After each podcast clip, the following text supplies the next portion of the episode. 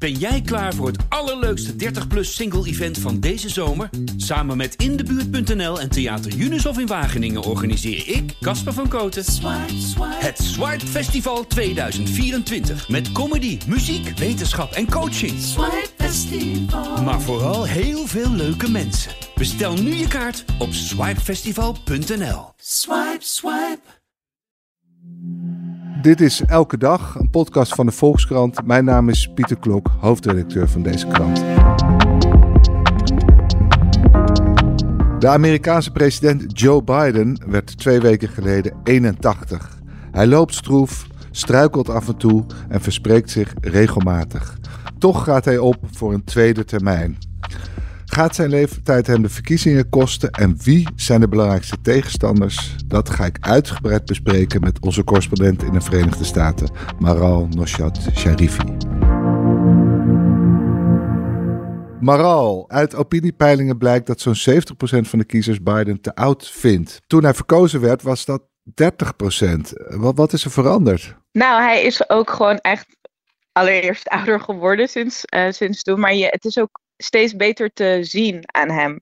Dus je zei net ook al van ja, hij struikelt af en toe en hij loopt stijf. En als hij dan uh, achter het katheder zijn verhaal moet vertellen tijdens een toespraak, dan zijn mensen, dat hij, zijn mensen bang dat hij niet goed uit zijn woorden komt. Of dat hij een land door elkaar haalt. En het is voor heel veel kiezers die eigenlijk, ja, vooral democratische kiezers, die zijn gewoon echt bang dat hij eigenlijk te oud is om voor nog een termijn te gaan. Want hij is nu al 81. En als hij uh, stel hij wint de verkiezingen, uh, dan is hij 82 en dan moet hij ook nog vier jaar. Dus ja, mensen zijn gewoon heel erg bezorgd over zijn leeftijd. En het komt natuurlijk vaker voor dat presidenten die voor een tweede termijn gaan, dat zij er een jaar voor hun verkiezingen, voor de campagnes niet zo heel erg goed voor staan. Want Biden die heeft echt lage populariteitscijfers, die schommelen rond de 38 procent. Uh, Obama die stond er ook niet heel erg goed voor rond deze tijd. Bill Clinton ook niet. Maar qua beleid konden zij er beter voor gaan staan. En als de grootste kritiek zijn leeftijd is, ja, je leeftijd kan je niet echt veranderen. En dat is gewoon waar Joe Biden nu tegenaan loopt. Ja, maar dan is het puur dus een zorg bij zijn optredens. Want, want uh, zijn regering functioneert gewoon en, en doet dingen. En, en wordt daar ook nog naar gekeken? Ja, ik bedoel, kijk, het, zijn beleid is ontzettend populair. En het is niet zo dat ze zeggen: Biden is een verschrikkelijke president die heeft gefaald of zijn verkiezingsbeloftes niet nakomt. De grootste zorg is zijn leeftijd en daarna is de grootste zorg de economie. En vooral het feit dat boodschappen nog steeds heel erg duur zijn, dat uh, huur heel erg hoger is dan een aantal jaar geleden. Ja, mensen, vooral veel jonge kiezers, die maken zich daar enorme zorgen over. Die kunnen geen auto kopen, die kunnen de huur niet betalen. Uh, tijdens de pandemie was, hebben ze de studieschuld stopgezet voor een, voor een periode. Dus uh, mensen hoefden hun studieschuld even niet terug te betalen. Nu is dat, moeten ze dat wel weer doen. Mensen zijn gewoon heel erg bezorgd over het feit dat het leven zo duur is geworden onder Biden en duurder dan onder Trump. Dat is iets uh, waar ook veel zorgen over bestaan.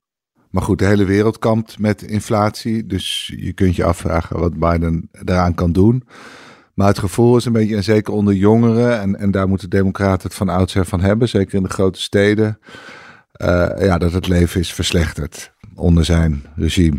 Precies. En dan is de zorg de leeftijd en daar kan hij natuurlijk gewoon niks aan doen. En het kan zijn dat hij er over een half jaar, dat hij nog weer ouder oogt. En het is ook een zorg die ze bijvoorbeeld Zelfs zijn familieleden maken zich daar nu zorgen over. Uiten die dat ook? Ja, dus nee, dat, dat, dat zeggen ze niet publiekelijk. Maar Politico die heeft uh, op anonieme basis met mensen gesproken die uh, uh, dicht bij hem staan. En, en die, hebben dat, die hebben dat gezegd.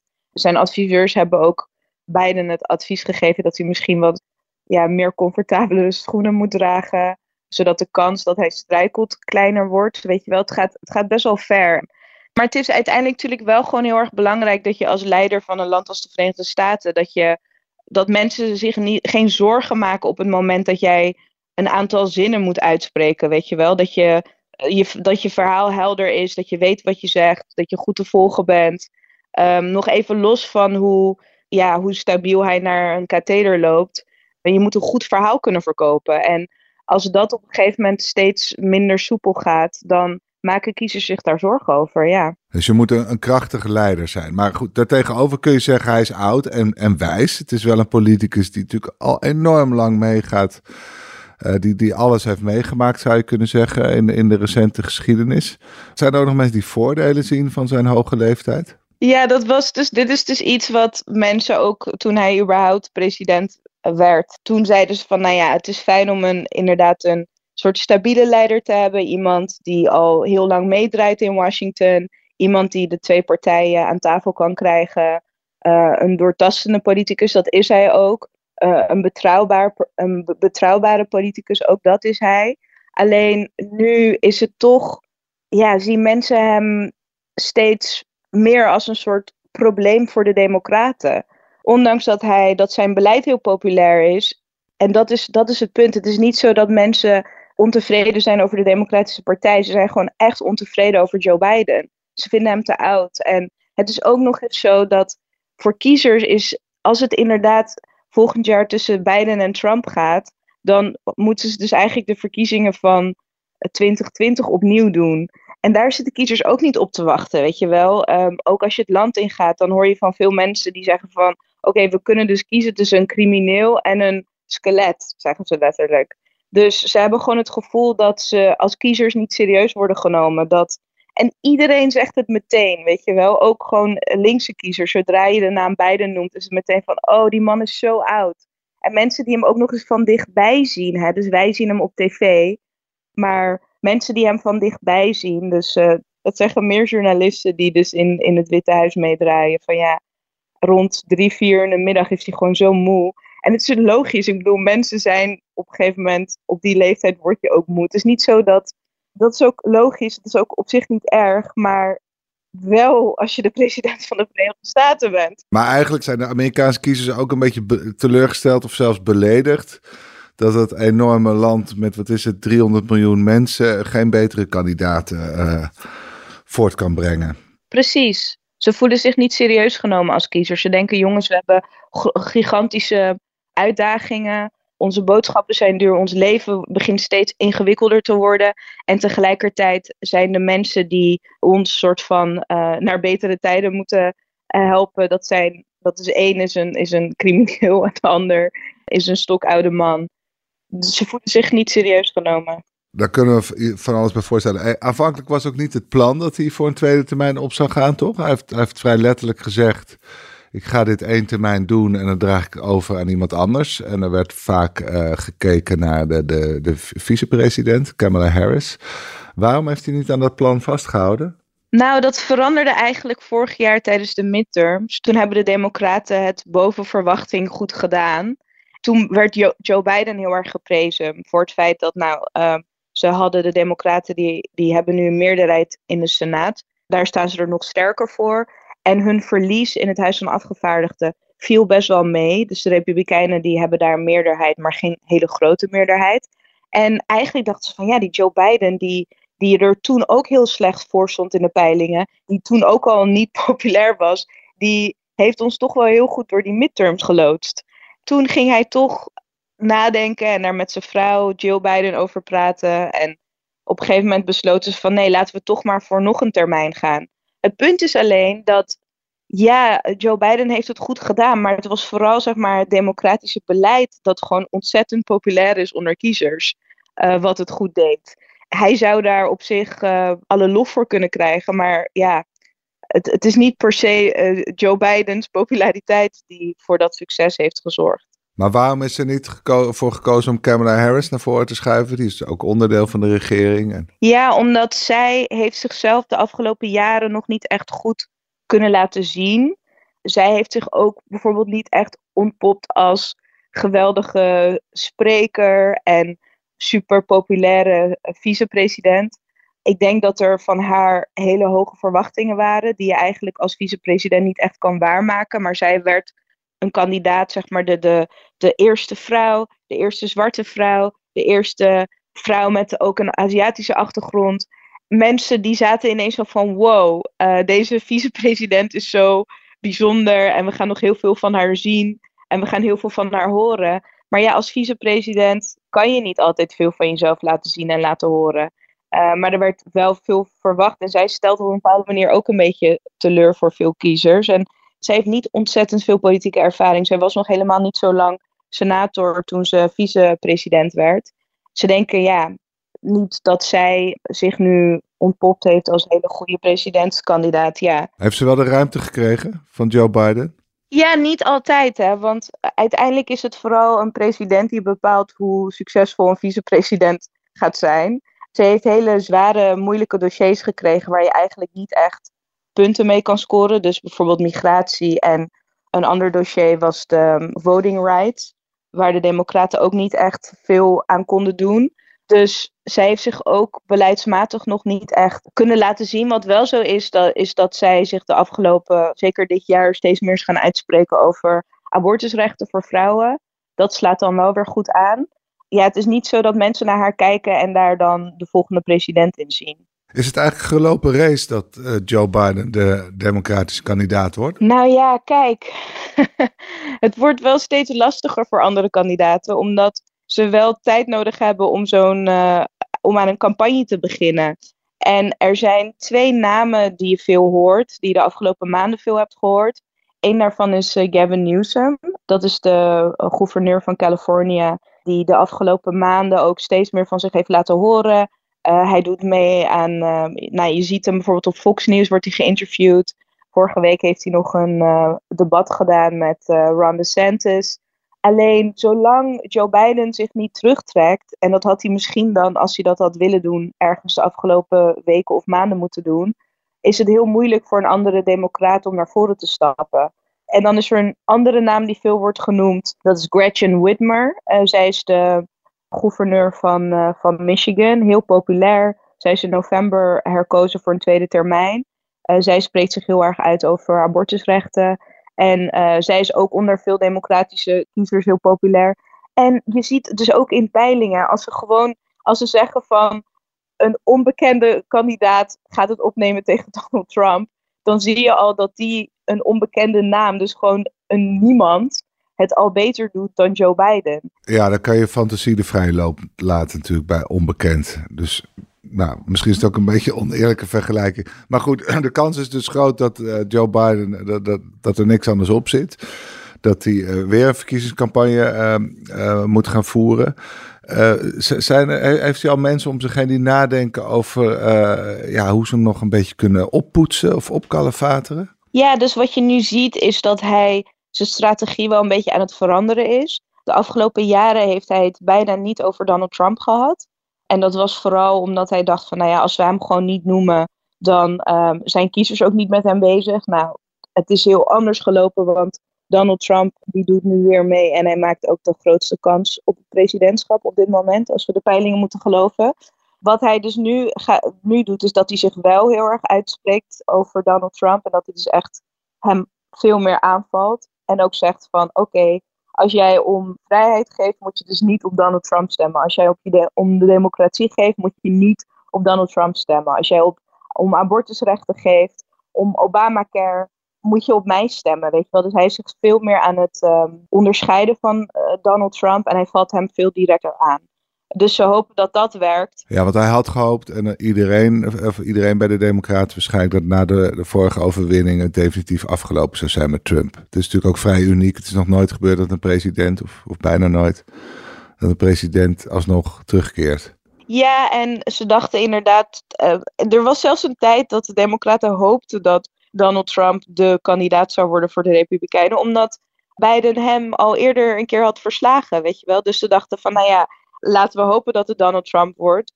Want uh, dan kunnen wij weer winnen. En nu zien ze dus dat Trump Biden heeft ingehaald ook. Ja, het land staat er nu toch weer heel anders voor dan, dan één, twee jaar geleden. Ja, heel wonderlijk. Uh, Trump is nu 77. Uh, ja, dat, dat vind je bijna jong, gek genoeg. Vroeger vonden dat ook stok oud. Maar ik zie het hier nu staan op papiertje. Ik denk, nou, die heeft nog wel uh, een hele tijd voor zich.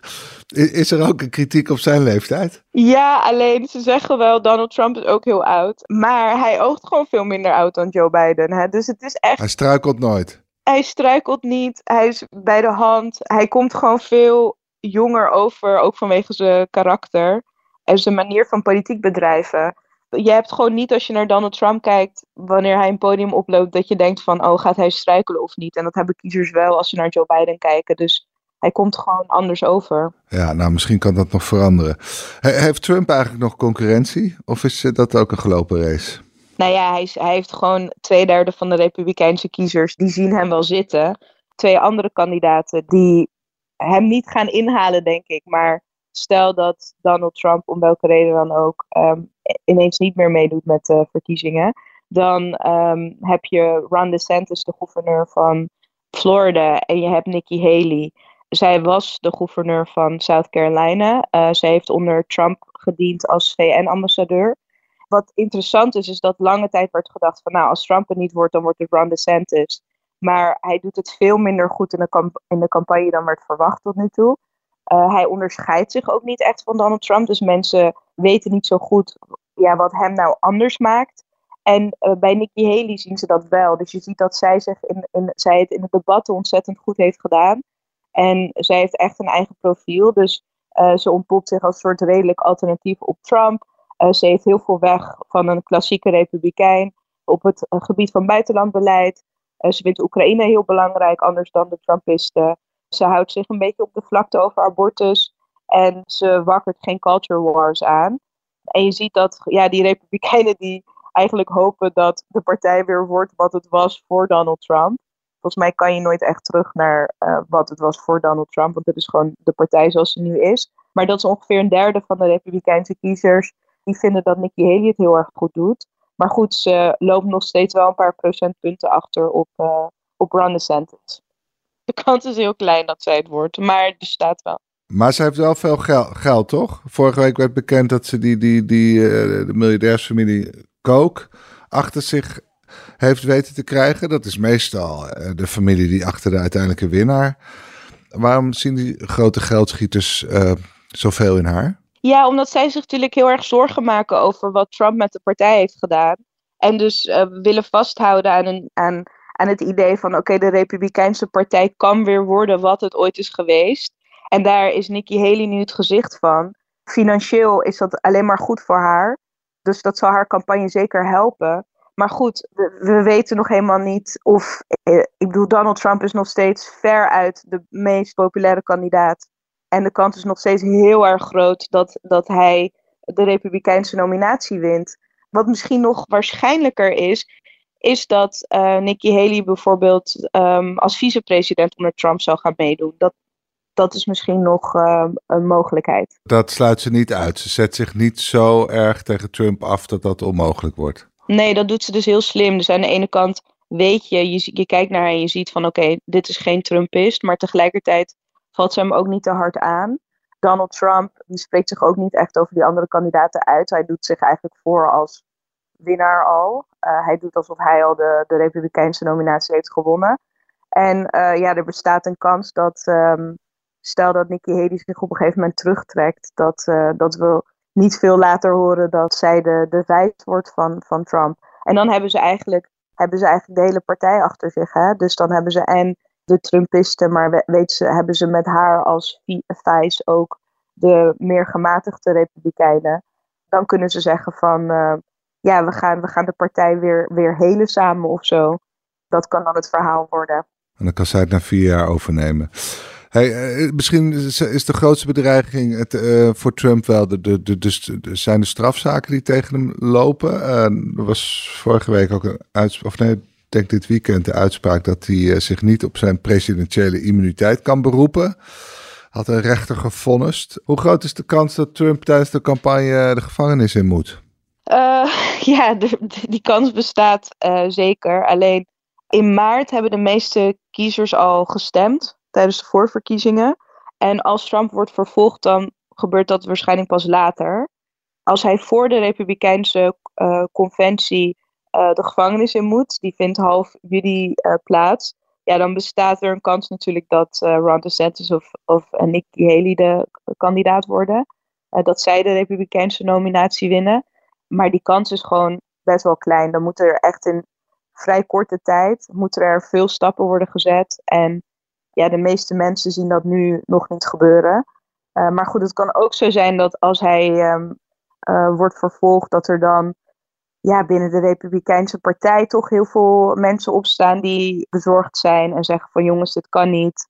Of dat, dat de kiezers ineens heel erg van mening veranderen. Maar goed, er is al heel vaak gedacht van als Trump dit doet, als dit gebeurt, dan weet je wel. En, en hij blijft gewoon best wel populair. Maar je ziet dus wel in die peilingen waarin hij dus nu als uh, op, op nummer 1 staat, dat als je diezelfde kiezers vraagt van goh, uh, stel um, er komt een veroordeling, dat ze dan wel toch weer anders naar Trump gaan kijken en dat ze dan misschien toch wel andere kandidaten uh, overwegen. Dus goed, ja, we weten het eigenlijk nog niet. Ja, op de een of andere manier heb je het gevoel dat, dat niks Trump kan raken. Omdat hij natuurlijk nooit blijk heeft gegeven van enorme moraal. Maar goed, uh, je weet het nooit. Uh, waar, waar, ga jij de komende tijd op letten? Staan er nog belangrijke gebeurtenissen op stapel? Kijk, uiteindelijk de, is de belangrijkste vraag komend jaar, is, vooral voor de Democraten, is kan Joe Biden genoeg kiezers naar het stemhokje trekken? Want het is niet zo dat, dat wordt nu soms gedacht en dat is niet het geval. Kijk, Donald Trump is nu minder populair dan hij vier jaar geleden was. Het is niet zo dat mensen, dat steeds meer Amerikanen van hem zijn gaan houden. Er zijn gewoon elk echt heel veel mensen die nog steeds heel veel moeite hebben met Donald Trump. Maar ze vinden Joe Biden gewoon geen goede kandidaat. En je ziet nu dat heel veel kiezers eh, zeggen van we gaan gewoon niet stemmen. Dus vooral voor jonge kiezers die zeggen van ja, ik ga echt niet op Trump stemmen. Maar ik ben zo teleurgesteld op Joe Biden dat ik gewoon niet ga stemmen. Of ze gaan bijvoorbeeld op een derde kandidaat stemmen. Heel veel jonge kiezers willen niet op Biden stemmen vanwege Gaza. Ze zijn het niet eens met zijn Israëlbeleid en uh, daar is ook heel veel kritiek over. Ik ben gewoon heel erg benieuwd of al die mensen die nu zeggen dat ze niet op Joe Biden willen stemmen, of zij tussen nu en komend jaar toch overtuigd gaan worden van nou, het feit dat een, een Donald Trump presidentschap dan het alternatief is en of ze dan toch wel op Biden gaan stemmen. Ik denk dat dat, uh, daar ben ik heel erg benieuwd naar. Daar ga ik ook veel mensen over spreken tussen nu en volgend jaar. Ja, dus Biden moet vooral de strijd met de potentiële niet-stemmer uh, winnen. Ja. Goed, Maral, mag ik je heel erg danken voor deze heldere uitleg.